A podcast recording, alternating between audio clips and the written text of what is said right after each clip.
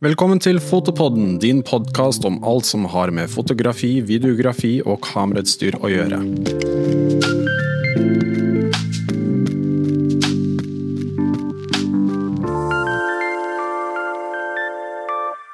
For ca. ett og et halvt år siden søkte jeg på en jobb som sosiale medieansvarlig for Lindmo-redaksjonen hos NRK. Under researchen til jobben fikk jeg anbefalt å sjekke ut dagens gjest sin Instagram-profil og bruke den som en mal på hvordan man virkelig skal utnytte Instagram til det fulle. Jobben fikk jeg ikke til slutt, men siden den gang har jeg vært fan av dagens gjest sin Instagram-profil og arbeidet han har gjort som regissør og fotograf. Det er derfor en stor ære at han tok seg tid til å komme hit i dag for å snakke om karrieren sin og komme med tips og inspirerende ord til alle som er der ute. Velkommen, Thomas Engseth. For en intro! Wow! Men det er genuint veldig hyggelig at du tok deg tid til å være her. Setter virkelig pris på det. Uh, For en hyggelig intro! ja, så bra. Jesus Christ, nå skal jeg være god ass, for å liksom levere på det premisset du har satt her for den samtalen.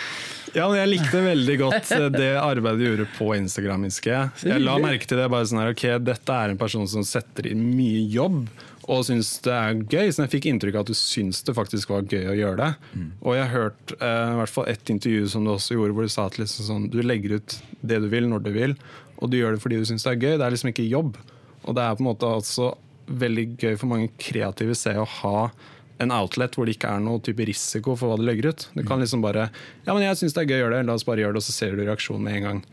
Var det det som liksom fikk deg Som fikk lyst til å legge ut mye på Instagram, i, versus det å liksom jobbe som regissør? da? Liksom ha de frie tøylene? Når man jobber som eh, TV-regissør, så eh, er man jo på en måte sjefen for innspillinga. Man har ansvar for at det blir bra, og alle disse greiene. Men eh, regissøren har jo også en sjef. For det sitter en produsent der, og en prod.leder, og en kanal. Og hvis det er reklame, så er det et byrå og en kunde. Så det er liksom alltid folk som skal bestemme, og det er jo smart, fordi jeg kan jo masse ting som vi regissører ikke kan. Um, men det betyr jo alltid at eh, man må gjøre ting litt for å please andre, og så prøver man å få det til så mye man kan på egen eh, Liksom for å please seg sjæl også, da. Men det som da er så deilig med Instagram for meg, er jo bare at der er det bare Der bestemmer jeg åssen det blir. Ja. Og så kitter jeg det ut der, og så koser jeg meg med det. Og så kan de som har lyst til å henge på, de kan henge på. Og så er det ikke sånn at jeg trenger å være redd for at folk eh, liksom eh, slutter å følge meg, liksom. Fordi jeg mister jo ikke noe penger av det, eller jeg mister jo ikke noe jobb av det. Så der er bare sånn frihetsopplegg hvor jeg bare kan liksom slenge ut det jeg har lyst til. Og hvis jeg hadde hatt lyst på så mange følgere som mulig, da måtte jeg liksom lagt ut én type ting hele tiden. Vært veldig liksom tro til hva jeg la ut. Uh, mens jeg legger ut nøyaktig hva jeg har lyst til. Jeg plutselig er det noe feriegreier, liksom, som jeg laga en liten edit fra noe feriegreier. Og så er jeg på jobb og legger ut uh, TV-produksjonsting. Og så er jeg og hopper fallskjerm på fritida og legger ut uh, fallskjermvideoer. Og da detter jo masse andre folk av, ikke sant? fordi jeg er ikke interessert i fallskjerm. Og så begynner jeg å legge ut noen jobbting igjen, og da forsvinner de som begynte fordi jeg hoppa fallskjerm. Så mister jeg det igjen, men det er liksom ikke så farlig. Høres veldig behagelig ut. da Ja, det er kjempedeilig. Fordi jeg vet at det er mange som, av de som lever av Instagram, som på en måte vet at de kun kan legge ut én ting. Hvis ikke så får de ikke noe særlig eh, nye følgere eller noe særlig reaksjoner på bildene. De kan liksom ikke legge ut ting fra privaten eller ting de bare syns er gøy å legge ut. eller dele ting, så De må være veldig sånn presise på griden sin og følge riktige farger og ha riktig liksom, look på bildene sine. og sånne ting da. Jeg vet Det er veldig mange fotografer i hvert fall som har det problemet der. da. Ja, ja, ja. Med en gang de begynner å legge ut liksom De kan ikke legge ut en selfie, det er liksom noe av det verste de kan gjøre som en profesjonell fotograf. Men å kunne liksom bare tenke sånn Nei, men dette er liksom bare gøy. Du får jo sikkert testa mye ting også, da, som en fotograf, som en regissør, som en klipper. Ting som på en måte er litt høyrisiko å gjøre på en stor produksjon. Da. Men på Instagram så kan du liksom bare ja, La oss se om dette funker, eller la oss se om dette er gøy. Og hvis det ikke funker, så bare ok, men da er det greit. Det er så deilig å bli intervjuet av en som bare skjønner helt åssen det er har det. Du, egentlig, det var et godt svar på det spørsmålet, egentlig. Ja. Det er nøyaktig sånn det er. Ja. Godt oppsummert. Jo, takk. Altså er det veldig mye, det er veldig mye bedre um, feeling i kroppen når du sitter på et møte i en TV-produksjon og foreslår et eller annet som ingen har prøvd ut før, men som du har gjort på Instagrammen din. Ja. Eh, For da har du gjort det før. Du Ja. har gjort det. Mens det å få midlene til å gjøre det første gang i en TV-produksjon skal ofte litt mer til. da Fordi det er litt å ta en sjanse. Eller litt sånn, ja, men vet vi helt hvordan det blir, hvordan er workflowen da, og bla, bla, bla. Så kan jeg si ja, vi gjorde det for to uker siden. Trykker du play. Her. Ja. Sånn er det. Ferdig. Bare at vi kan gjøre det bedre og proffere og raske, liksom, ikke bruke så rask type som jeg gjør her. da. Ikke sant? Vi hadde en, eh, en portrettfotograf innom her, Hannah fra, fra London, som sa at eh, hvor viktig det var for henne som en portrettfotograf å ha egne profilbilder av seg selv. For å liksom portrettere ut seg selv og for å vise seg selv til potensielle kunder. Ja, Så folk skal vite hvem hun er. Ikke sant? Og Ja. da får, du får jo det veldig ved å liksom legge ut uh, Ved å putte deg selv foran kamera. Da.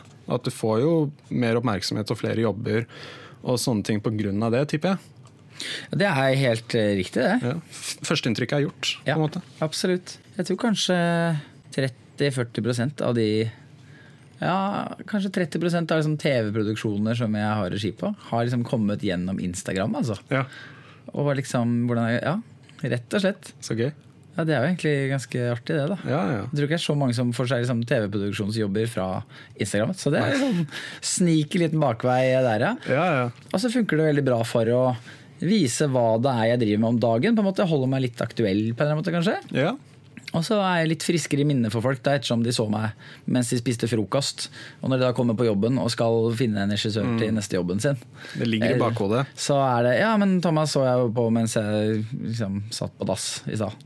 Så kanskje jeg kan ringe han. Det er jo eh, eventuelt noe som en fallgruve der som jeg har hatt inntrykk av at folk har hatt, er at liksom hvis du viser at du alltid har noe å gjøre, så kan det virke at du alltid er opptatt og ikke har tid. Eh, er det litt sannheten, eller er det hvordan er det for deg? Har du, har du nok å gjøre alt si, som en regissør? Dette er kjempemorsomme spørsmål. Du treffer rett på. Det alle begynner setningen med når de ringer meg, er Hei, Thomas. Du har sikkert ikke tid, altså. Men uh, vi skal i gang med en produksjon her nå.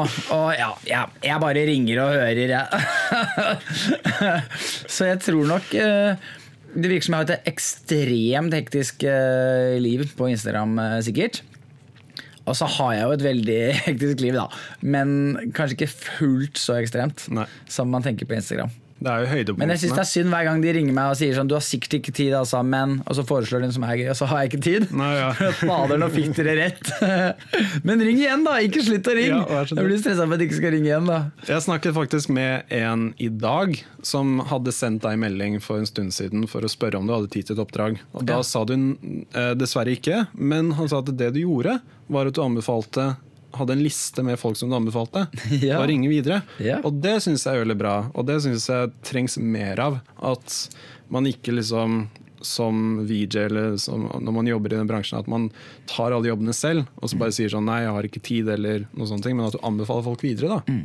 Jeg gjør det samme til f.eks. bryllupsfotografering, noe jeg ikke gjør. Men jeg anbefaler fire navn som tar mye bedre bilder på bryllup enn det jeg kommer til å gjøre. Og alltid liksom sende videre jobber da, hvis du ikke kan gjøre det selv. Og jeg skulle ønske jeg kunne jobbe som bryllupsfotograf. Syns du? Tenk deg en fantastisk jobb. Ja. Tenk deg så nydelig. Jeg blir jo veldig, jeg er veldig lettrørt. Ja, gråter veldig veldig fort og syns at kjærligheten er det fineste i hele verden. Så jeg, jeg gjorde, gjorde det en gang for en kompis av meg. Mm. Og tok bilder mens jeg sto og grein. Det var helt krise. Jeg så jo ikke noe i søkeren. For det var jo tårer i absolutt alle retninger. Eh, Men jeg syns det var et ekstremt hyggelig opplegg. Ja, ja, det tror jeg på. Ja, bare sånn Rett og slett veldig hyggelig. Det er nok en litt for lite sosialjobb eh, for meg, bare fordi man er veldig mye alene. Jeg trenger å ha masse folk rundt meg hele tiden. Men, mm. men det, ja, det var veldig flott. Du hadde et helt annet spørsmål. Altså, hoppet jeg på bryllupsfotografi? Ja, jeg glemte det litt selv. Ja, Hva var det du spurte om, da? Jo, det er at du, liksom, du gir jobber videre da, ja, til det folk. der, ja. Ja. ja. Jeg tenker jo liksom at Må jeg se i kameraet, må jeg se på dere jeg prater til. Altså, la oss huske at det er en veldig, veldig liten bransje. Og hvis vi bare anbefaler de fine, gode folka, så er det de fine, gode folka som ender opp med å bli i bransjen. Og så er det de få råtne eggene som ikke er noe hyggelig med folk. Eh, som tar noen av jobbene, og de trenger vi jo ikke. Og de anbefaler vi ikke. Men det er ikke noe farlig å anbefale fine, flinke folk. Eller folk som ikke er fullt så flinke, men som kommer til å bli det. De er det også kult å anbefale. Og si at eh, hvis du liksom holder han her litt i hånda, så kommer han til å fikse det for deg. Og du får det til og med kanskje ekstra billig, liksom, men han her liksom, han kommer til å legge ned innsats. Så de folka der syns jeg fortjener å bli anbefalt. da. Ja, absolutt. Og jeg syns det er bra at de gjør det. Og det er viktig at folk også gjør det. Jeg pleier å sende en sånn liste med sånn de du kan ringe, Jeg har skrevet sånn på notater på mobilen. Og tatt et screenshot Så her står det sånn De du kan ringe når du ikke kan ringe Thomas. Ja. Og så står det liksom Og så er det ofte litt sånn Setter jeg opp da prioritert rekkefølge ut fra den, det oppdraget som du Mm. ringer eh, om. da Men det er også noen tjenester som jeg har sett komme nå for frilansere også, hvor uh, det er Am I Creative. Har du hørt om det? Ja, men jeg har ikke helt eh, ja, vet lite om det. Det er basically at eh, selskaper kan abonnere på en liste av frilansere som er registrert der, og se kalenderen deres og når de er opptatt eller ikke. Så de Ja. kan se Ja, det om stemmer, det var den kalendergreia. ja, ja. Og at du, du ser showreelen og CV-en og sånne ting der, så det er registrert. Så da har de den kalenderen tilgjengelig. Og det koster jo ikke noe for frilanseren, det er gratis, du bare registrerer det. Eh, men det er liksom eh, selskapene som betaler, da. Og da kan de liksom se at eh, ja, men han er ledig da. Han, vi skal ha et opptak om en måned, hvem er ledig? Og så slipper de å ta den ringerunden hver gang. da. Ja, ja. Så det, det funker, I praksis så funker det veldig greit, faktisk. Jeg, jeg har vært medlem der siden januar, Ja. men jeg har ikke hatt noe særlig ledig tid på kalenderen. Nei. Så det har liksom ikke, de har ringt et par ganger, men så bare har det liksom ikke Nei. åpnet seg noe rom ennå. Så ja, Det høres jo veldig logisk ut, da. Mm. Men også veldig rart.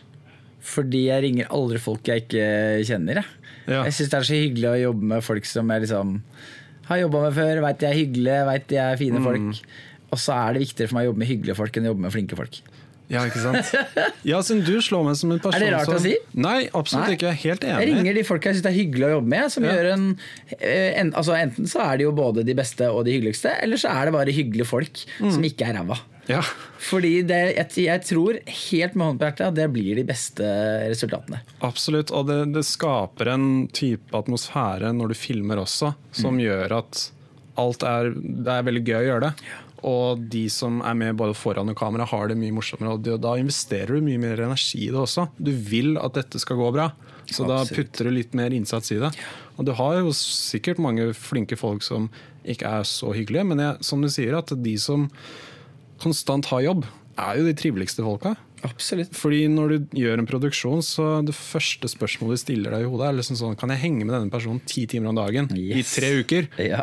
Hvis det spørsmålet er nei, uansett hvor flink de er, så Ja. får du ikke jobben.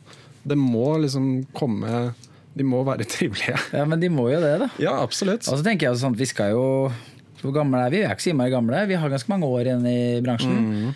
Og vi kommer jo ikke til å gidde å jobbe med dette hvis det ikke er noe hyggelig. Nei. Fordi det er jo et nydelig fag, liksom, men vi redder ikke noe liv. Og vi kunne sikkert hatt viktigere jobber, på en måte, sånn sett eh, fra utsiden. Men eh, Så idet det ikke er hyggelig, liksom, da er det ikke Nei. Da begynner jeg med noe annet, ass. Ja, ja. Hvis du våkner opp om morgenen og bare «Ah, Åh, jobb igjen. Nei, dette går ikke. Ja. Gruer deg til mandag. Ja. Det har egentlig vært målet mitt alltid. Bare sånn Glede seg til mandag ja, tenkte jeg det. og ha det gøy. Ja, ja. Sånn- det får du ikke hvis du ringer de flinke folka som ikke er hyggelige, ass. Nei. Åh, Det du må jobbe med de fine folka. Men jeg ser for meg at du også har det målet at er det, Hva er det som på en måte du tenker over er prioritetene du har når du velger et oppdrag? Er det sånn at ja, dette høres faktisk veldig kult ut, veldig gøy ut? Eller at du kommer på en idé som du bare ikke klarer å ikke lage, og så er du i gang, liksom? Eller er det veldig ofte noen andre prioriteringer? Hva er det som skal til da, for at du tar på deg en jobb? Åh, det var tre spørsmål som, er, som var veldig spennende å svare på alle sammen. Ja. Kan du ikke prøve å huske alle? Jeg skal prøve. Jeg kan skrive ned.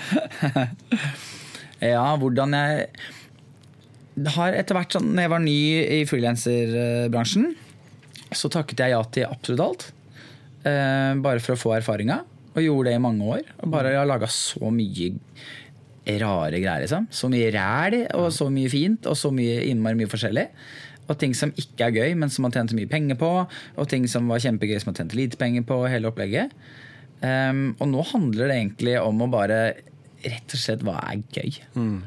Eh, og det, altså jeg føler meg kjempeheldig som, som kan ha det som eh, kriterium på toppen. Da.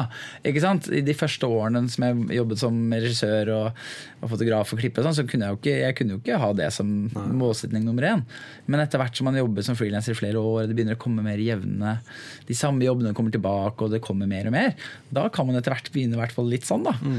Eh, Så de gangene jeg føler at man kan ta de jobbene som er morsomst, da, da får man liksom en sånn følelse av sånn Å, dette blir gøy. Ja. Og så går man inn i hele produksjonen med sånn Å, fy fader, nå skal vi gi jern og lage noen bra greier. da Og ha det kjempegøy. Og det smitter jo alltid over på sluttproduktet. Ja, det gjør det, og det merker man også. Mm. At, eh, ja, det ser man. Nei, det er jo, herregud, det er jo det er endgame, det. Å kunne liksom bare så, ha det ja, som en prioritet. men så handler det jo selvfølgelig også om å, ø, ø, å prioritere etter hva er ting jeg ikke har gjort så mye av. Ja, det også syns jeg er veldig spennende. Ut av komfortsonen litt. Rett og slett, Ja. Mm. fordi det er lett å bli vant. da Det er mange produksjoner som begynner å ligne på hverandre etter hvert. Mm.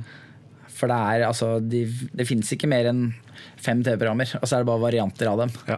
Ikke sant? Så det er liksom eh, etter hvert begynner det å bli mye av det samme. Mm. Så jeg kan kose meg Jeg koser meg vil jeg si, akkurat like mye med å lage noe for sosiale medier som jeg gjør med å lage til TV. Ja.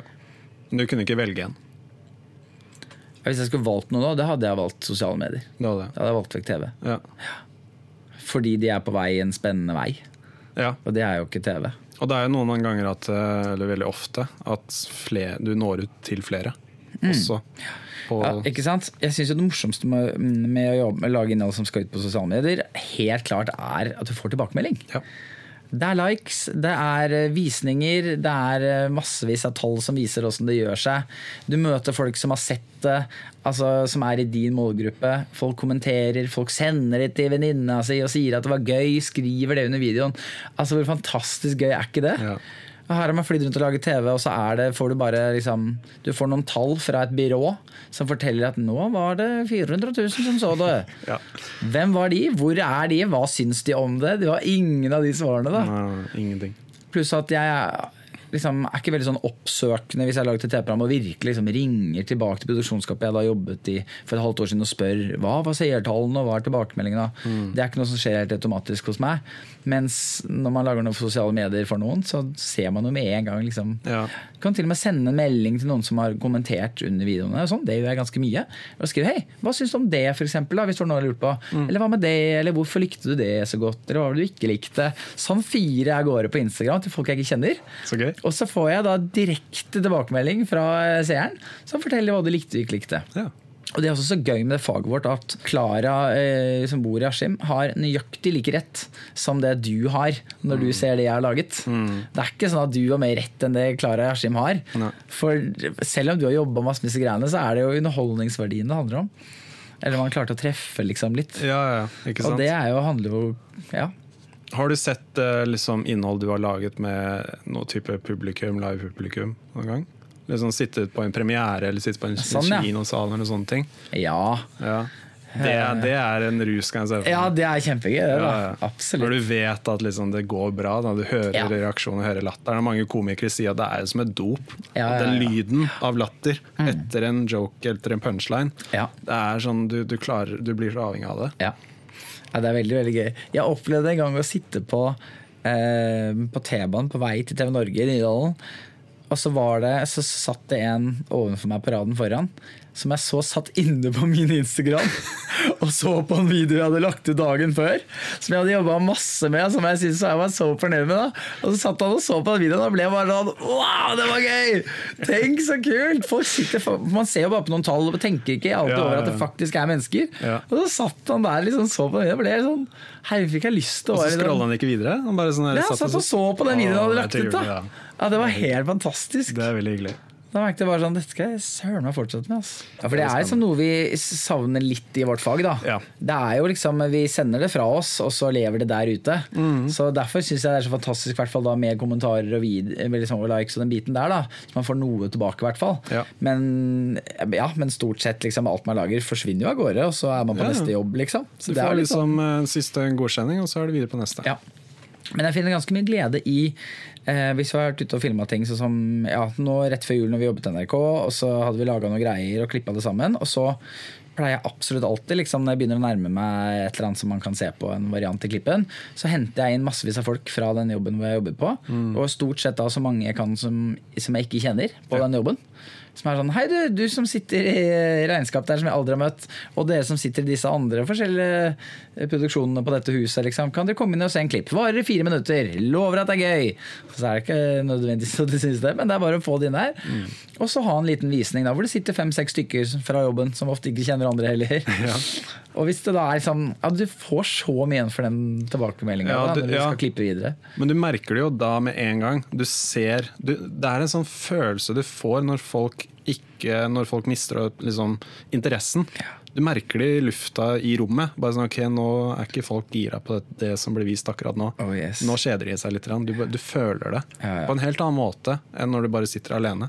Ja, det er helt magisk hvordan man kan Du kan jobbe masse med en klipp, og så føler du liksom Ja, der er det bra, og sånn, der går det kanskje litt saktere, og sånn, og så begynner du å bli sånn happy med det, så får du inn bare moren din, liksom, til å bare sitte ved siden av, og idet hun ser på, så merker, kjenner du hele kroppen din en helt annen følelse Ja, for det du har klippa.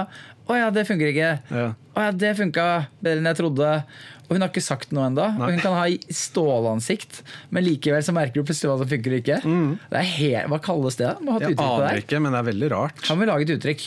Ja, vi finner på det nå. Mm. Shit, hva skulle det vært, da?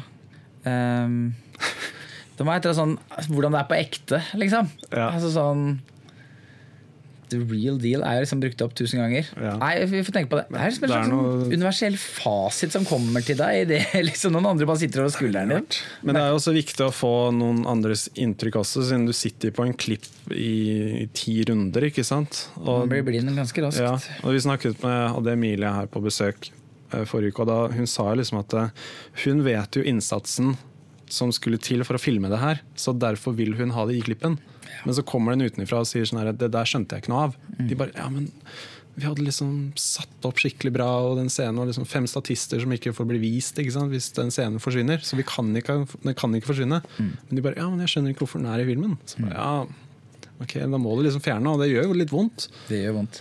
Men det gjør mindre og mindre vondt. Det gjør det, og det var det jeg tenkte også. Sånn, man merker etter hvert at Ja. liksom, du blir mye mindre liksom, sentimental da, for Absolutt. klippene dine. Bare, ja, funker ikke, vekk med det. Ja. Slett, ferdig, ikke noe vits. Absolutt. Men der er nok også sånn Det tror jeg jo lenger du jobber i bransjen, jo mindre vondt gjør det å kutte ting du er glad i. Og Ja. Kill your darlings er jo liksom Ja, ja. dette klassiske uttrykket som Det blir enklere og enklere. Det føles ikke som drap lenger. Nei.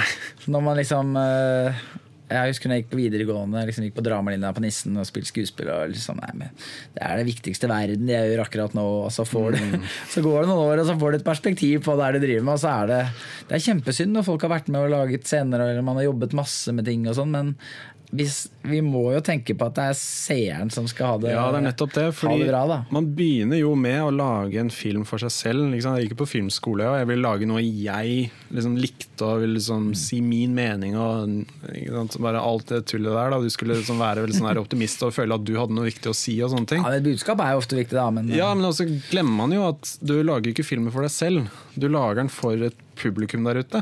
oh, yes. Og du må liksom bare ta deg selv ut av det og så bare tenke sånn, men snakker de til publikum? Og hvis de ikke gjør det, så er det så er, må du gjøre noe med det. da. Men det Oh, lærer du etter hvert. ja. Men var du veldig sånn, snakker du med mange Si det er noen som går på en filmskole, eller sånne ting, da merker du hvor optimistiske de er? Versus hvor realistisk man må faktisk bli da, når man skal ut i bransjen. Så det har jeg merket. Ja. Det har blitt mye mer realistisk på hvordan det faktisk er, Ja. Mm. versus hvordan jeg trodde det var da jeg studerte.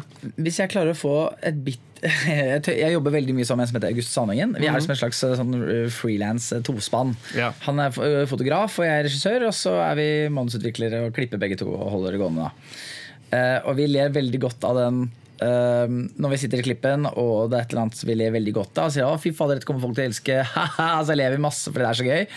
Uh, og så pleier vi da ofte å mime hvordan seerne uh, skal se på det produktet vårt. For hvis de syns det er kjempegøy, så er reaksjonen deres og så koser de seg inni seg, men på utsiden så er det jo Vi smiler ikke når vi ser på mobilene våre som oftest. Nei, nei. Ser vi på TV alene, så er det helt tyst i stua. Ikke sant? Så er alltid så gøy liksom, Vi ser i klipperommet, vi bare «Ah, Folk kommer til å dø av det! Men da mener jo faktisk i realiteten at de bare kommer til å dra bitte litt på munnviken, men den kampen for å la klare å få seerne i 2020 til å dra på en munnviken, ja. det er gull verdt. Vet du For det er så vanskelig å få til. Så Ja. klarer man å få til den lille munnviken, så er det verdt hardt, hardt arbeid, fordi vi veit hvor vanskelig det er da. Ikke sant? Apropos det, det å sitte og le alene, det er veldig sjelden man gjør. Jeg gjorde det faktisk på søndag. Okay, Ja. Da så jeg, uh, jeg vet at du er god venn med han, jeg kjenner han også, Herman Flesvig som Førstegangstjenesten. ja. Den satt jeg lo høyt av aleine. Det var så sykt bra. Ja, ja. Han fyren er bare helt insane flink. Han er helt, helt Det var bare sånn her perfect. Mm. Jeg, bare sånn, jeg er så glad for at det faktisk blir mer av. Ja. Fordi jeg bare sånn, to, to episoder er ikke nok. Jeg vil se mer. Det er så Helt enig. Lag mer! Ja. Ja. Men jeg syns det også er modig av NRK da, liksom at det utvikles på den måten at de faktisk bare legger det ut og tester og ser om det funker. Mm. Og så ok, Vi kan ta liksom sjansen hvis det blir bra, og så kan vi bare kjøre på videre. da. Jeg vet ikke om det var noe de gjorde mye før. Jeg syns NRK har blitt jævlig kule. Ja, det gjør det. Jeg syns de er skikkelig skikkelig flinke og modige og tøffe og unge. og ja, Jeg synes de er skikkelig flinke. De fortjener masse masse skryt. Absolutt. Det er så mange andre rikskanaler rundt omkring som bare er så siderumpa, liksom. men her er det guts og Ja, de gir jern. Ja, ja. Skikkelig fine folk. Nei, de er veldig veldig flinke. Og jeg har merket at det har liksom vært en utvikling som har skjedd, kanskje eller et perspektiv da, på NRK de ti siste årene. Mm. Ja. Det, har liksom ikke vært, det er ikke lenge siden det liksom var veldig sånn Det var liksom en liten stund der hvor vi følte at det ikke hengte med i tida. Og så plutselig bare sånn Å ja, nå er det helt opp og nikker. Ja, så, ja, De er helt på ballen. Ja, nei, de er flinke. Altså. Gøy. Veldig, veldig bra. Altså, jeg gleder meg veldig til å se flere episoder av det. Men Ja, der, satt, der er satt jeg og lo høyt aleine. ja. Jeg også Jeg gjorde det. ser for meg at naboene mine var sånn her Ja. Hva er det som skjer? Men Jeg lo, jeg lo høyt, ass. Det var så funny. De hørte deg sikkert ikke, for de satt og lo, de også. Sett det. Ja, ja. ja, det var veldig mange som så det. Ja, ja, Altså, props til, props til Herman, altså. Oh yeah.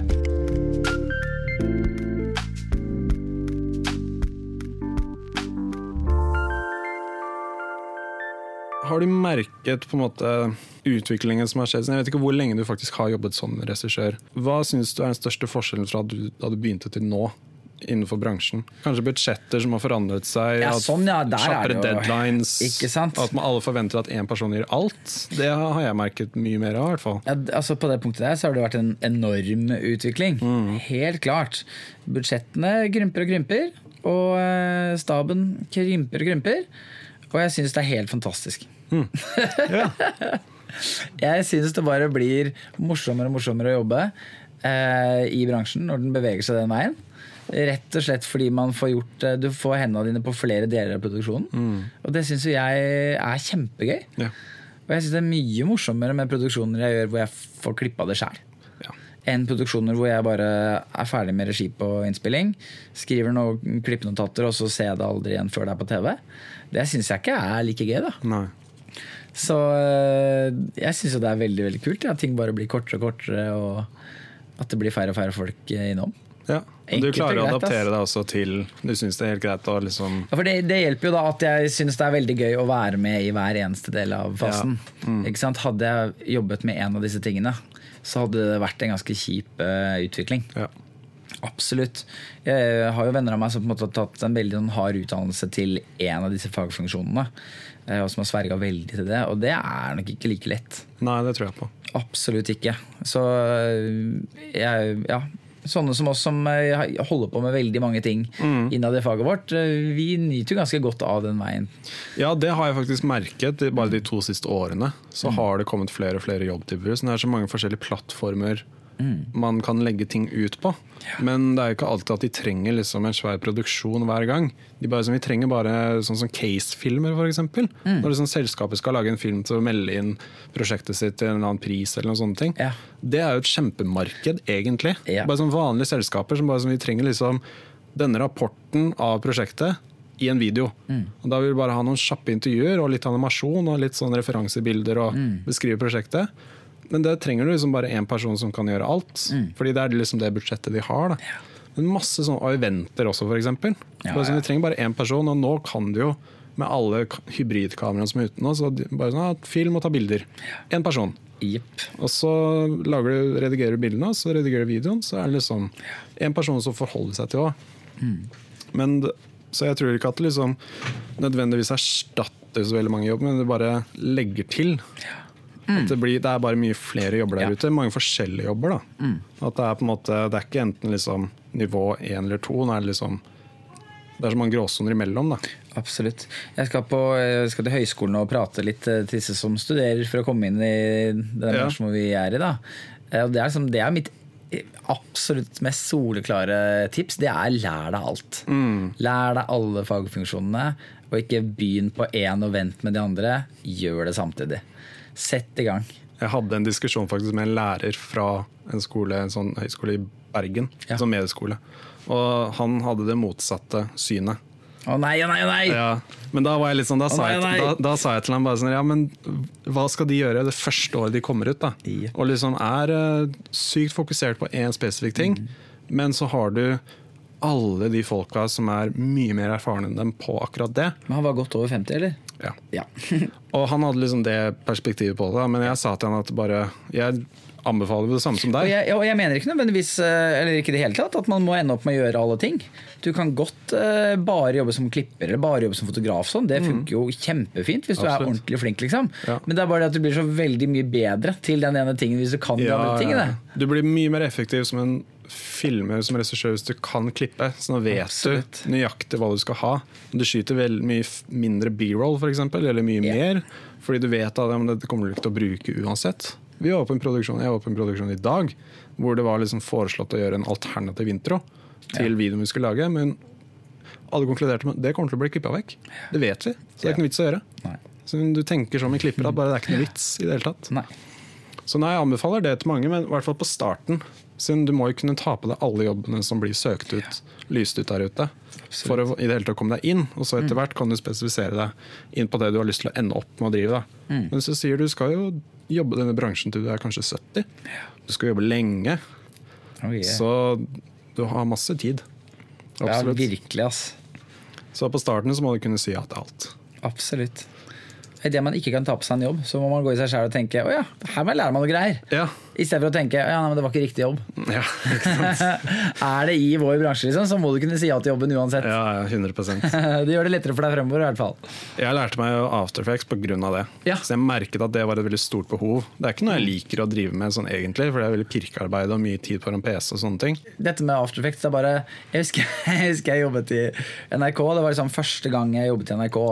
Det var liksom big deal, og det var sånn shit, tenk at jeg får jobbe i NRK og ha regi på Underholdningsavdelingen. liksom Da var det liksom 800 000 som så på TV, og jeg var helt sånn «Wah!» Og så satt jeg i et møte, og så um, skulle Vidar Magnussen være en sånn bartender. Og så, sa jeg sånn, så hadde de en avslutning på scenen, og så foreslo jeg ja, Hadde det ikke vært morsommere hvis liksom, For det var en ganske rar rolle. Så som ofte Vidar Magnussen roller der så sa jeg sånn Hadde det ikke vært gøy hvis liksom, hodet hans eksploderte i stedet, på slutten? Og så snur alle seg mot meg bare sånn Jeg vet ikke om du har skjønt budsjettet her helt, eh, ikke sant? Og jeg er bare sånn jeg, jeg kan fikse det, sier jeg. Og så bare rett etter at jeg har sagt det, bare Fuck, fuck, fuck, jeg vet ikke åssen jeg gjør det. liksom Google. Og så er det bare Ja ja, det fins vel en tutorial, liksom. Og så var det liksom bare ok, takk for i dag, ha det. Og så skulle jeg klippe innslaget, og så klipper jeg fram til fem, og så kommer jeg fram til øyeblikket hvor dette hodet skal eksplodere, og bare All right, da er det bare å ta kveldene fatt eh, fremover. Men det ordna seg jo, da. Det seg, Ja, nå vet, og nå vet du hvordan man gjør det. Og nå vet jeg ikke hvordan man gjør det, for After Effects sitter jeg i så sjelden at det må jeg lære meg på nytt hver eneste gang. Åh, det er, eh, det er um, en eh, Er du ikke litt enig i det, da? Jo, jo, jo. For det er jo såpass teknisk at, ja, at har du vært ute av det liksom i bare tre-fire uker, så må Ja. du litt inn i det igjen. Liksom. Ja, absolutt. Nei, jeg, jeg holder litt skjult at jeg kan det sånn egentlig. Hvis folk liksom lyser ut en jobb hvor det er spesifikt After Effects, så Ja. sier jeg nei, nei, er liksom, jeg, er ikke en, jeg er ikke en fyr som driver med det. Nei. Uh, Utdanna eller noe som helst i det. Bare sånn, Jeg kan gjøre det fordi jeg vet at det er nyttig å gjøre det. Ja. At liksom, liksom lage titler og sånne ting, det er liksom bra. Men det var en gang jeg tok meg på, tok meg på et sånt Det var nesten et animasjonsprosjekt. Hvor det var sånn en type sånn en uh, tegneseriebok som skulle liksom blas i. Og så skulle det være yeah. masse bilder i de rutene, og kameraet skulle bevege seg inn på de og sånne ting. Og alt skulle Oh, gjøres på en måte i 3D. Oh shit. Og da sa jeg sånn det var, det, var Enten så måtte jeg gjøre det, eller så ble det ikke gjort. Ja. Det var såpass god idé at det måtte bli gjort. da Ja. Da satt jeg mye kvelder. Ja. I tre-fire uker, tror jeg. Og bare det er det. mye jobb, ass. Det er så mye jobb. Og det er så mye pirkearbeid, og så eksporterer du ut, og så er det en, en eller annen feil et eller annet sted som du ikke vet hva er for noe. Ja. Fordi det er så mange Du har så er så mange, mange lag, ja. mange lag du har bygd opp av sånne ting. Så når du lager ting i Premiere, så ser du liksom ok, der er feilen. Mye mer Du, du ser det med en gang, men i After Effects er det så mye sånn skjult og keyframes og alt mulig rart. Da, som bare Oh, yes. ting som er liksom neste oppå hverandre og parenta sammen og liksom putta inn i hverandre og sånne ting. Så det er en hodepine. Altså. Så jeg beundrer folk som faktisk gjør det, og lager kule ting.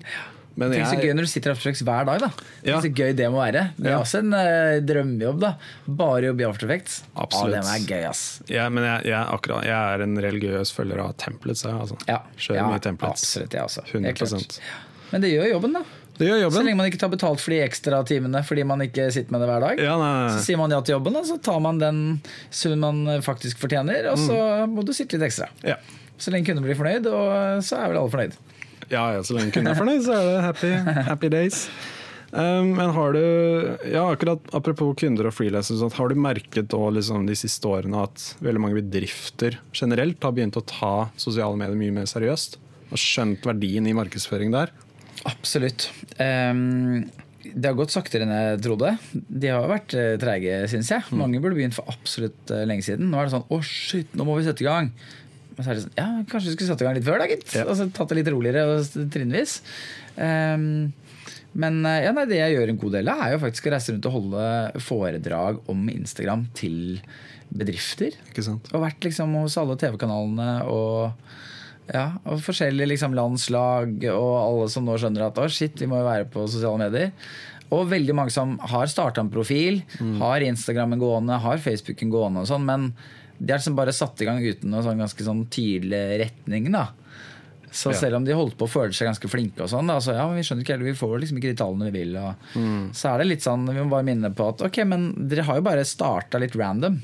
Nå tror jeg vi må stoppe, tenke, orientere, planlegge. Og så liksom begynne litt på nytt da, og tenke oss om litt før vi setter i gang. Og så er det veldig fascinerende hvordan man merker at hvis du skal lage et TV-program, så er det ehm, så setter man seg ned og har utviklingsdager, ikke sant? og du pitcher innad kanskje for å virkelig liksom tenke over hva det er man gjør og holder på med. Uh, mens når folk skal starte Instagram-profilen til firmaet, f.eks., så er det sånn Ja, Roger, kan ikke du bare sette i gang? Ja, Men, så det, men vent nå litt, er det ikke her dere skal få veldig mye av kundene som skal komme inn, og hvordan dere ser ut utad? Hvorfor ble ikke dette utviklingsdager? Hvor ble det av den tiden dere skulle bruke på utviklinga? Så det er jo en stor anbefaling til alle disse. da. Ja, nei, Det skjønner jeg absolutt. At det, det er veldig viktig. Og jeg merker også det at liksom, det blir veldig sjelden liksom, førstepri for noen som helst, da, med mindre det er en dedikert person til å faktisk styre disse kanalene. Mm. Og ha som mål å legge ut så ofte som mulig og liksom, styre hva slags innhold som blir lagt ut og sånne ting. Da. Men det jeg også blir overrasket over altså Dette er jo Grunnen til at jeg kan reise rundt og holde disse kursene for disse firmaene, er at det er, de sier at ja, men vi har ikke brukt så mye tid på det, og vi har liksom egentlig det har bare rulla godt litt. Og så stiller jeg dem litt spesifikke spørsmål om hvem er som har hatt ansvar, og hvor mye har de faktisk sett på det og jobba med det. Så ender man jo faktisk opp med å finne ut at men dere har brukt egentlig veldig mye tid Ja. og ressurser på dette. Bare at det har bare surra godt litt, og man har ikke tenkt så mye over at det er en eller annen person som jobber litt med det. Men den personen hadde bare jobba litt random med det litt hver dag i hva da, tre år. Så kanskje man skulle Når man begynner å telle opp de timene da Ja. som faktisk er brukt, som de ikke tenker så mye over, de kunne vi forvaltet på en helt annen måte. Absolutt. Hvis man hadde tatt en ordentlig runde da man starta. Men det er jo aldri for sent. Man må bare tørre å tenke at eh, dette er det faktisk verdt å sette seg ned og gjøre litt ordentlig. Hva er liksom de vanlige fallgrunnene som du merker veldig ofte at folk ikke ja, at folk faller i? da? Folk er generelt litt for flinke til å glemme mottakeren. Ja, Det syns jeg går igjen i både TV og SoMe og all mulig slags reklame og TV-programmer og alt. At man rett og slett blir litt for opptatt av de menneskene som er i produksjonen. Og hva de har lyst til å lage, og hva de syns er gøy. Og så glemmer man hvem det er som skal det. Ja. Det er ganske ofte at man uh, i TV-bransjen må stille spørsmålet Men uh, hva tenker vi målgruppa syns om dette, da? og de gangene man må stille spørsmålet, da er det ganske tydelig at vi er liksom på vei litt feil vei. da ja, ikke sant? så det å huske på målgruppa si er liksom Det er jo nummer én, da. Alltid. Ja. Det er de vi er på jobb for. Men det er lett å glemme dem. når man er midt oppi det. For man vil at det skal bli bra. Det eneste man vil er at det skal bli kjempebra. Og så glemmer man at å ja, men det skal ikke bli kjempebra for meg. Nei. ja, ja. Men det er så lett å glemme på. da altså Man glemmer det jo hele tiden. Jeg må jo minne meg selv på det ofte. Eh, Men det er liksom Det er utfordringen vår, og det er den fella veldig veldig mange går i. da Og så tenker man ofte ikke det før litt for langt ut i prosessen, og så kommer man på det, og så kan man glemme det igjen. Så jeg syns ofte at de flinkeste folk er, liksom, er flinke til å huske på det gjennom hele produksjonen. da ja, ja absolutt.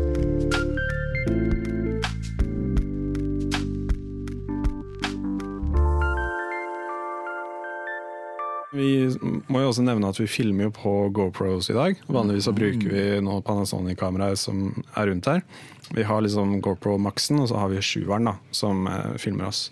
Eh, fordi du er en GoPro-ambassadør.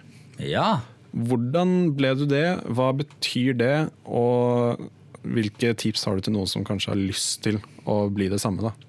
Create content, man! Make awesome videos. Make awesome Videos. Nei da. Um, jeg uh, jobbet litt for TV Norge. Ble kjent med en fantastisk uh, mann der.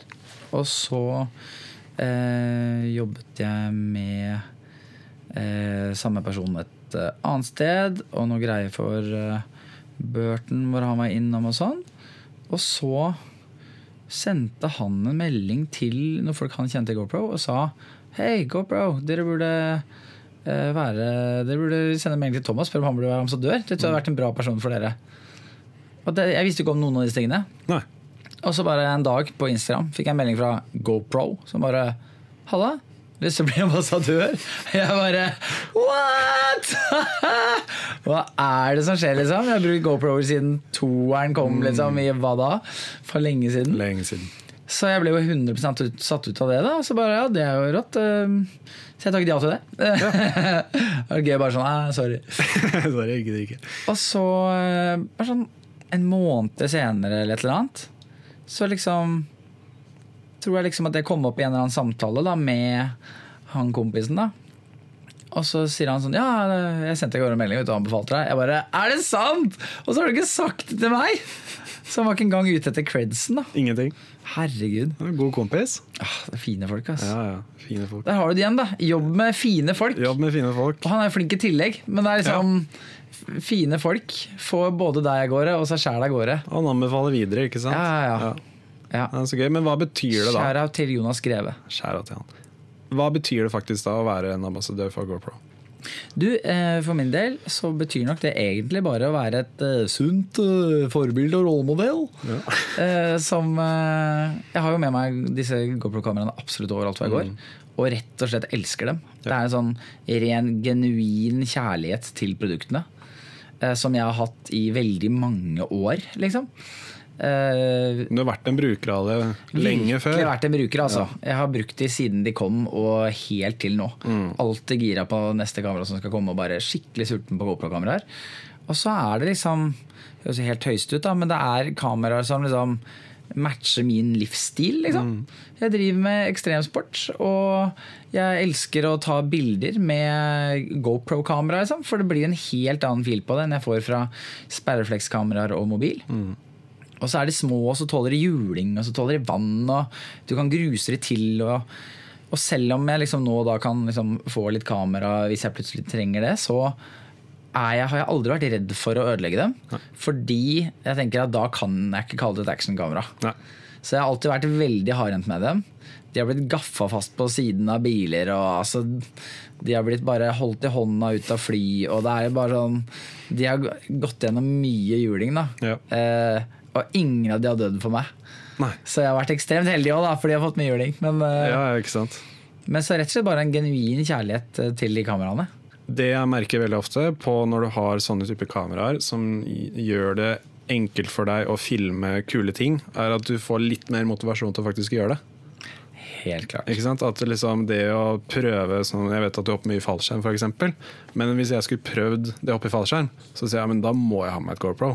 Ja. Men det motiverer meg faktisk Det å ha det footaget at jeg hopper i fallskjerm, motiverer meg enda mer til å faktisk prøve det.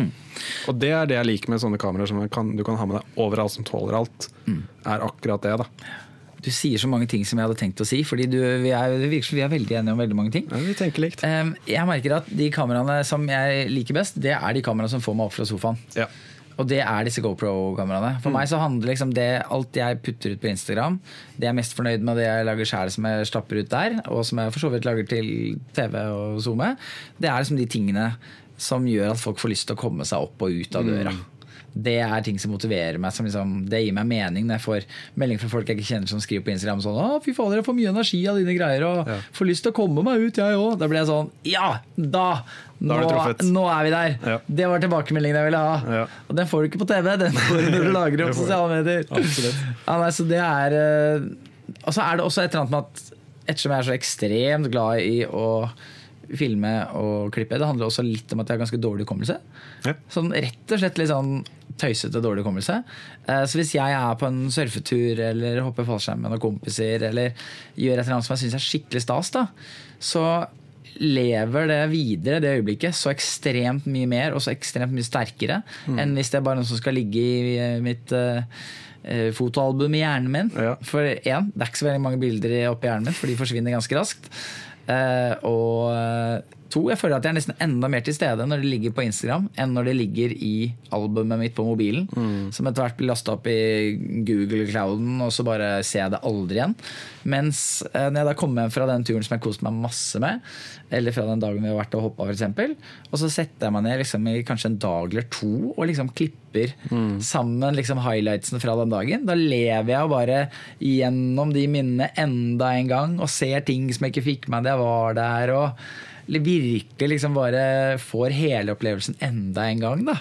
Og det er jo som du sier, du har jo det utrolig flotte minnealbumet som, til deg selv også. Som bare sånn her, ok, Hvis du liksom føler litt nede en dag, eller det er litt grått, eller noen sånne ting, så bare sånn scroller gjennom Instagrammen din, og så bare sånn ja, Det var gøy. Det er mye gøy. tur», Det er bare passe sånn, på å gjøre igjen. ikke sant? Ja, ja, Få sånn, den følelsen der, da. Ja, ja. Det er veldig viktig. Ja, altså det er, Dette må liksom bare bli gira på å komme seg ut. Da har du de riktige produktene i hånda. Ja, absolutt. Og Det samme handler liksom om utstyr også. Liksom. Sånn, du trenger ikke de dyreste liksom, skiene for å komme deg ut heller. Hvis du sånn stein, jeg, jeg, liksom, jeg gikk aktivt langrenn da jeg var yngre, så hadde jeg liksom veldig mange par ski. da Skøyteski og klassisk ski og flere varianter av de. Liksom, men så hadde jeg steinskia. Det er de du bruker når det, liksom, det er ikke godt føre. Du burde ikke bruke de skiene du er redd for. Ja. Så hadde jeg på sånn uh, ræva, ræva kjøttkakeski. Ja. Uh, og det er jo de skiene jeg er mest glad i i hele verden. Ja. For det er jo de jeg mest har lyst til å ta meg ut nå også. For da hopper jeg og leker meg og prøver meg på 360 ikke og sånn når du er på skitur og koser meg. Så det er liksom de som er klare for å ta den dirty jobben, det er det utstyret jeg syns er morsomst å eie. Nei, vi promoterer masse det når det kommer til hvilke kamera man skal kjøpe også. Det kan ikke være kamera du, du er redd for å ta med deg ut på ferie og sånne ting. Da. Du er redd for at det skal bli stjålet og sånne ting. Du, du er nødt til å ha det med deg så mye som mulig. Da. Vi sier jo at det beste kameraet er alltid det du har med deg. Uansett hvilket kamera det er. Det er så godt sagt. Ja, det er så godt sagt. Ja, men det er jo sant. Få det på en T-skjorte! Få det på en! T-skjorte. Sy det på en pute. Men det er jo helt ærlig, det er jo akkurat det det er. Og du kan liksom sk En av grunnene til Jeg kjører veldig mye liksom sånn one man band, sånn som deg, ikke sant? og da liker jeg alt som gjør at jeg, Hvis jeg kan få alt utstyret mitt i én sekk, så er det utstyret jeg går etter. Uansett hvor stor bildebrikke det er, uansett hvor store objektiver det er, uansett hvor mye lysutstyr det er, eller lydutstyr eller rigg eller whatever. Hvis alt passer i én sekk, så er det utstyret jeg går etter.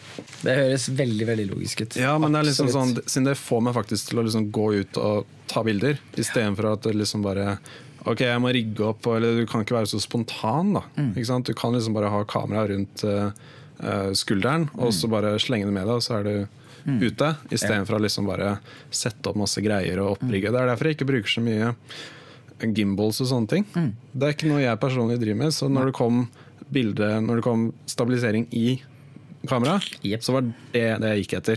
Det var sånn, ok, det skal jeg ha, Fordi da slipper jeg en gimbal. No gimbal needed. ikke sant? Supersmooth.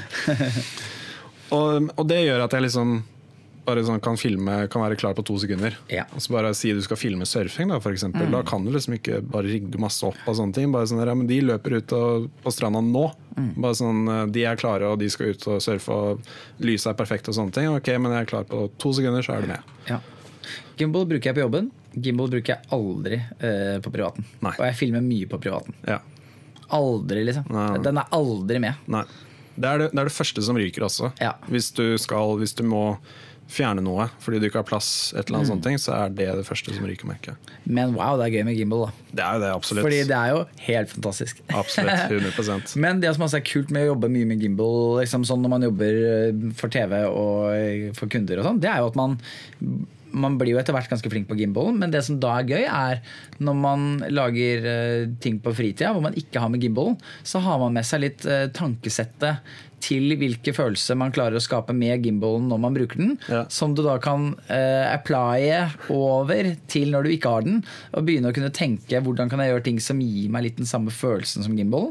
Og hvis du har et kamera med god innebygd stabilisator, og du klarer å bevege kroppen ganske rolig og fint og jevnt, og du slower det i tillegg, og du legger på noe warp stabilization i premier, du er der med én Ja, gang, liksom. Med én en eneste gang. Jeg bruker veldig ofte 4K for eksempel, til akkurat det der. Da. Fordi jeg vet at jeg skal liksom stabilisere det etterpå. Da har du så mye, mye informasjon som mulig, og da blir det bra resultat.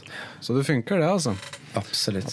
Og så er det, det er ganske få ser jeg som liksom, når de er ute og filmer med GoPro-en eller mobilen, som på en måte faktisk står bredt med beina og lener seg til den ene siden og fører kameraet over og bortover og har noe i forgrunnen og bruker den som en gimbal. Det er veldig få som gjør det. Ja. Mens når du ser editor, så tenker man alltid her har det vært en gimbal, men det er ikke alltid det. ass. Det Så det er ganske gøy hva man kan lære av å bruke det mye, og så plutselig ikke ha det. Jeg snakker veldig mye med fotografer som ønsker å gå over på video. Og da spør de om tips. Og sier Ja, sånn, Er det mange? Det er veldig mange. Det blir Ja. flere og flere. Så kult, da. Da sier jeg at det viktigste er den bevegelsen. Fordi Den tenker du ikke på når du tar bilder, men den må være der når du filmer. Da må du ha den bevegelsen, og du må gå fra venstre til høyre, og neste må du, du må tenke på overgangen og sånt også. da Og tenke på at innholdet er riktig og sånt. Fordi det er jo veldig ofte at liksom veldig statisk.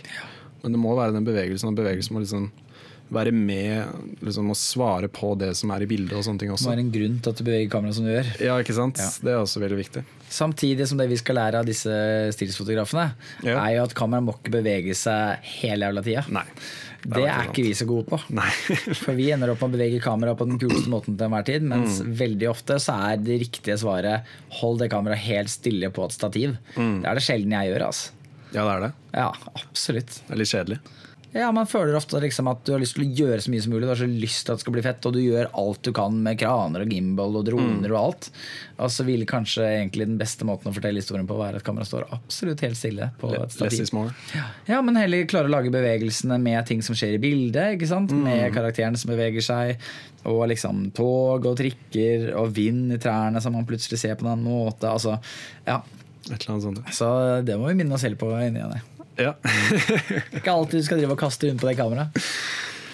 Uh, vi kan snakke en evighet, selvfølgelig, men vi må egentlig runde av, så vi skal gå over på ukens anbefalinger.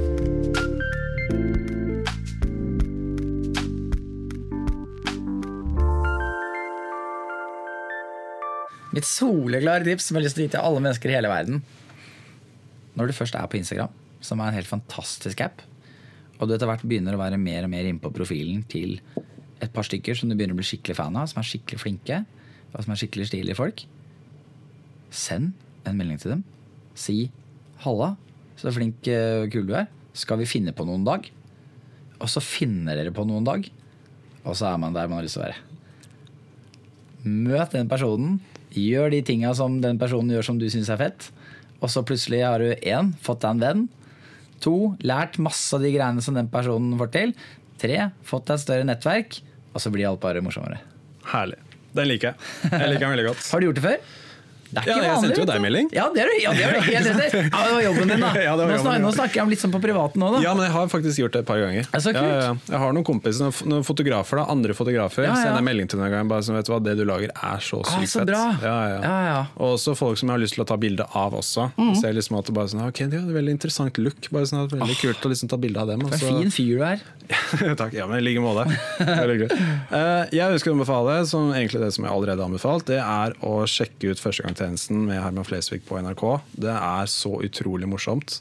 Og vi snakket om det bare sånn eh, Han fyren der har eh, fulgt eh, karrieren hans hele veien.